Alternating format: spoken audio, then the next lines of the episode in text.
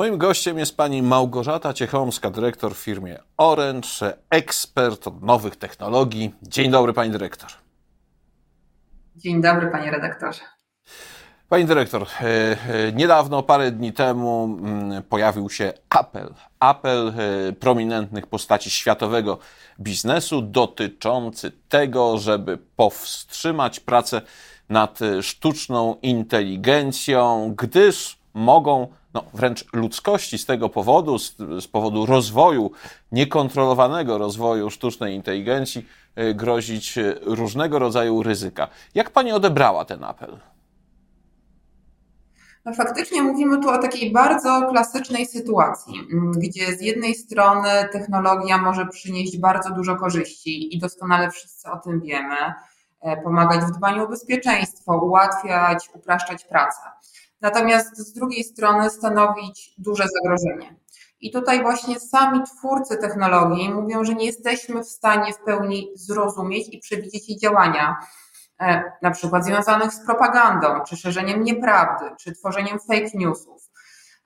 Także generalnie zgadzam się, że ten dalszy rozwój, dalsze prace nad sztuczną inteligencją powinny być, mieć miejsce, kiedy to my będziemy pewni jej pozytywnych skutków, a przynajmniej tego, żeby ryzyko, które ona niesie, mogło być opanowane. Mm, I tutaj też bym, myślę, rozszerzyła w ogóle tą myśl o to, że ta sztuczna inteligencja ma nam pomagać, a nie odbierać. I kiedy mówimy na przykład o, o tym, że y, sztuczna inteligencja robi takie rzeczy jak maluje obrazy czy pisze wiersze, to z jednej strony możemy sobie myśleć, że jest to niegroźne, a z drugiej strony zastanówmy się, czy to nie jest odbieranie czegoś, co stanowi ważną wartość społeczną, czyli yy, dawanie przyjemności, radości, tworzenie hobby i, i, i tak dalej. Także wydaje mi się, że ten e, taki proces wypracowania wspólnych procedur bezpieczeństwa jest absolutnie niezbędny.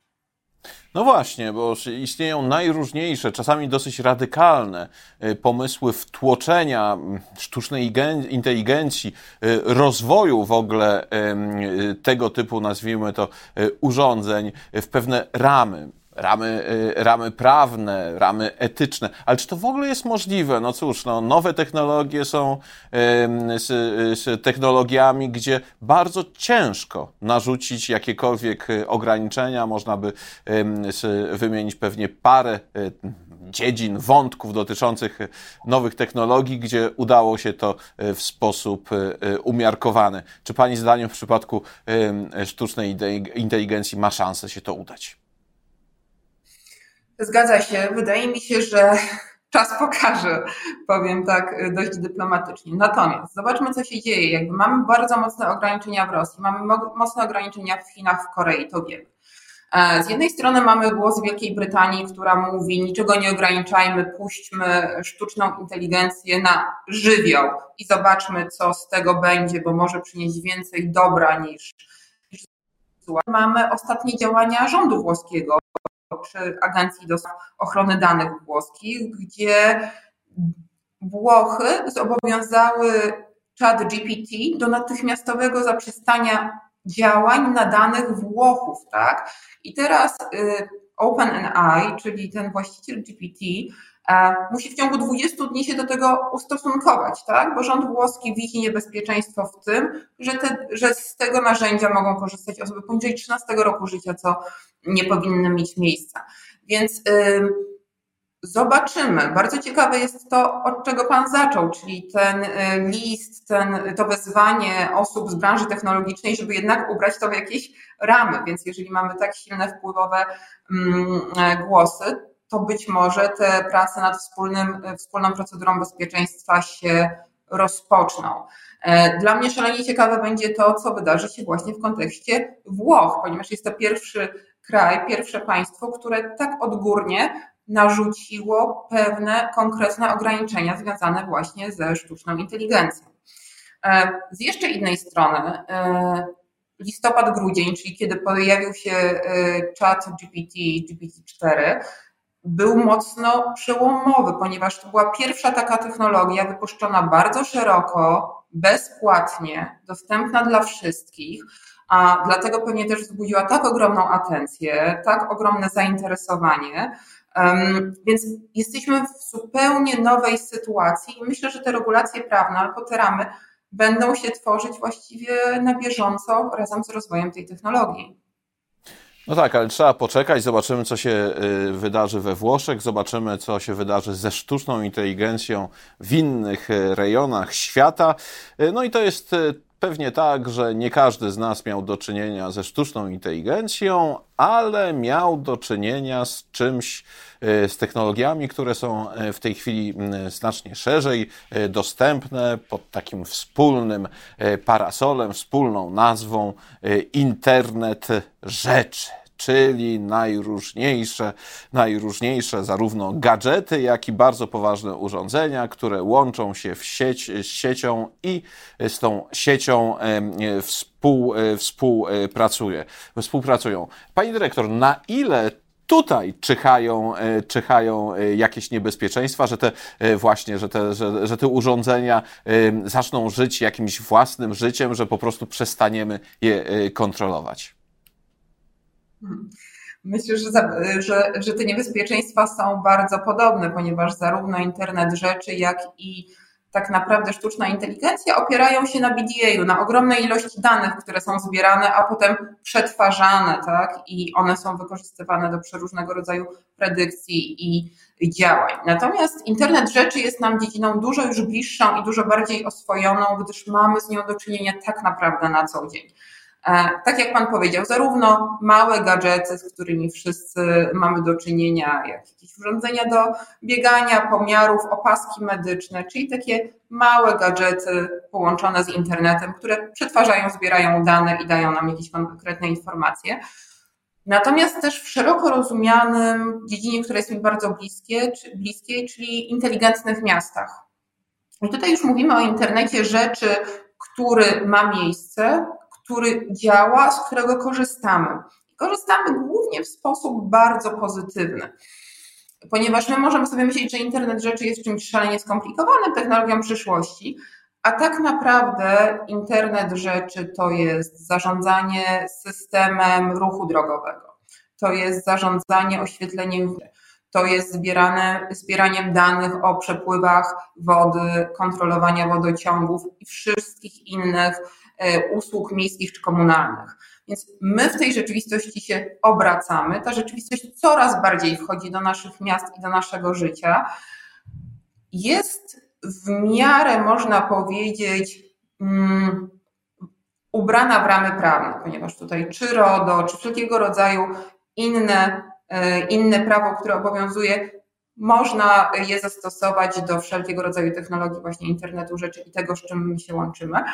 Natomiast właśnie kolejnym krokiem, jak już będziemy mieli te wszystkie dane, te zbiory, te informacje mm, z miast, z miasteczek, z gmin, z tych wszystkich świateł, wody, zarządzania ruchem, będziemy mieli taki zbiór danych, taką big data i kolejnym krokiem jest właśnie wzięcie tych informacji przez sztuczną inteligencję, zrobienie predykcji na ich podstawie tak naprawdę dalszy rozwój i działanie. Więc myślę, że IoT jest gdzieś krokiem przed dalszym działaniem. Ten, y, to, y, ten internet rzeczy zbiera i dostarcza te dane do tego, żeby sztuczna inteligencja potem mogła je przetwarzać i wykorzystywać. No właśnie, ale y, jeżeli już mówimy na przykład o miastach, miasteczkach, inteligentnych miastach i inteligentnych miasteczkach i tym przepływie danych, no dobrze, ale co zrobi z tym sztuczna inteligencja? Na razie może zostawmy te ciemniejsze strony i porozmawiajmy o jaśniejszych. Do czego to może służyć? Takim, y, myślę, najprostszym, ale ciekawym przykładem może być rozwój miast. Wiemy, jak wygląda sytuacja po pandemii. Nastąpił taki moment, że ludzie zaczęli, mieszkańcy zaczęli opuszczać centra miast, centralne dzielnice i wyprowadzać się na obrzeża, bo łatwiej w czasie tego, jak się jest zamkniętym, albo ma się teraz coraz więcej pracy zdalnej pracować. Może z miejsca, gdzie jest ogródek, może tam, gdzie jest większe mieszkanie, a wiemy, że na przedmieściach ceny są niższe. No i co się dzieje? Mamy taki e, niekontrolowany rozwój na przykład właśnie miast czy obszarów miejskich, gdzie e, tu się buduje osiedle, tam się buduje osiedle, a za tym nie idzie na przykład infrastruktura, tak? Nie mamy szkół, nie mamy sklepów, nie mamy systemu rowerów miejskich, więc ta komunikacja jest utrudniona.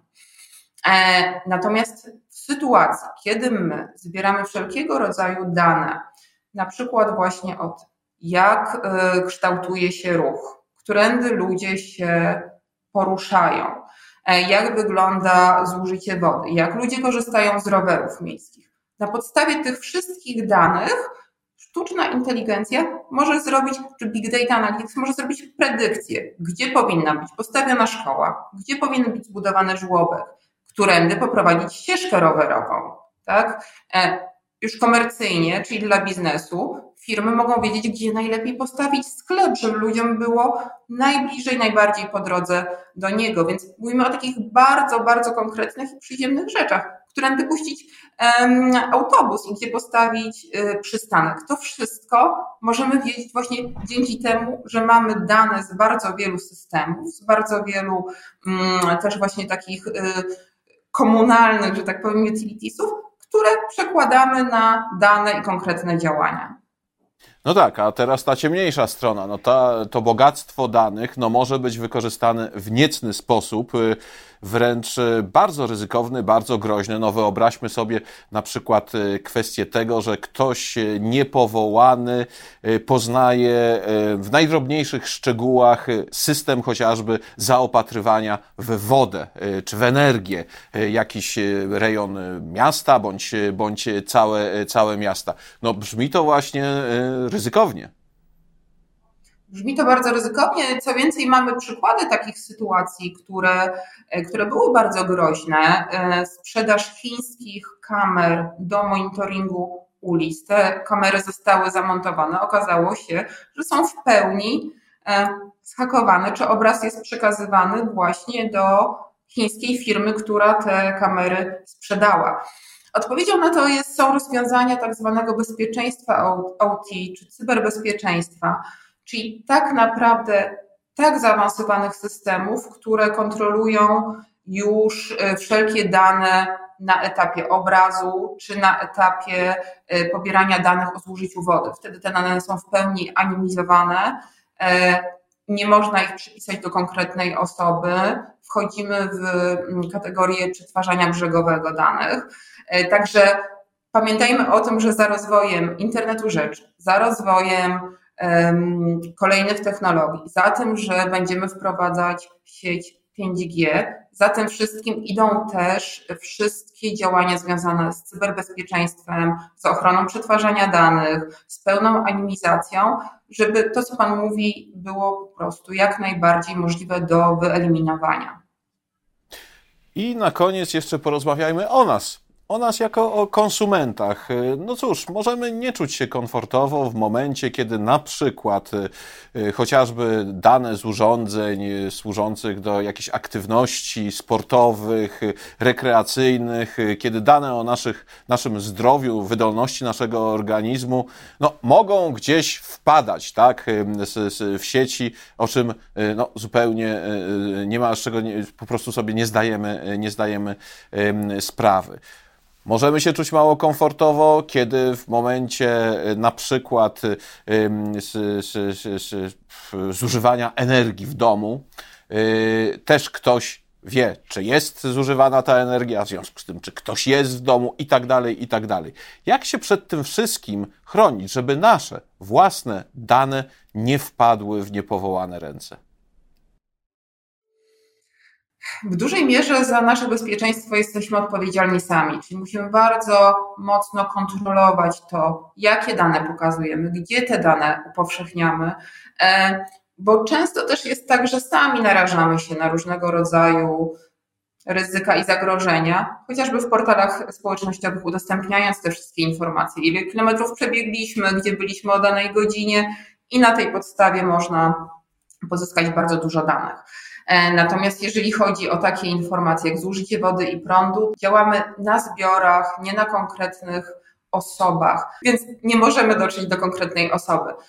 Oby tak było, aczkolwiek wyzna, wyzwań jest całkiem sporo.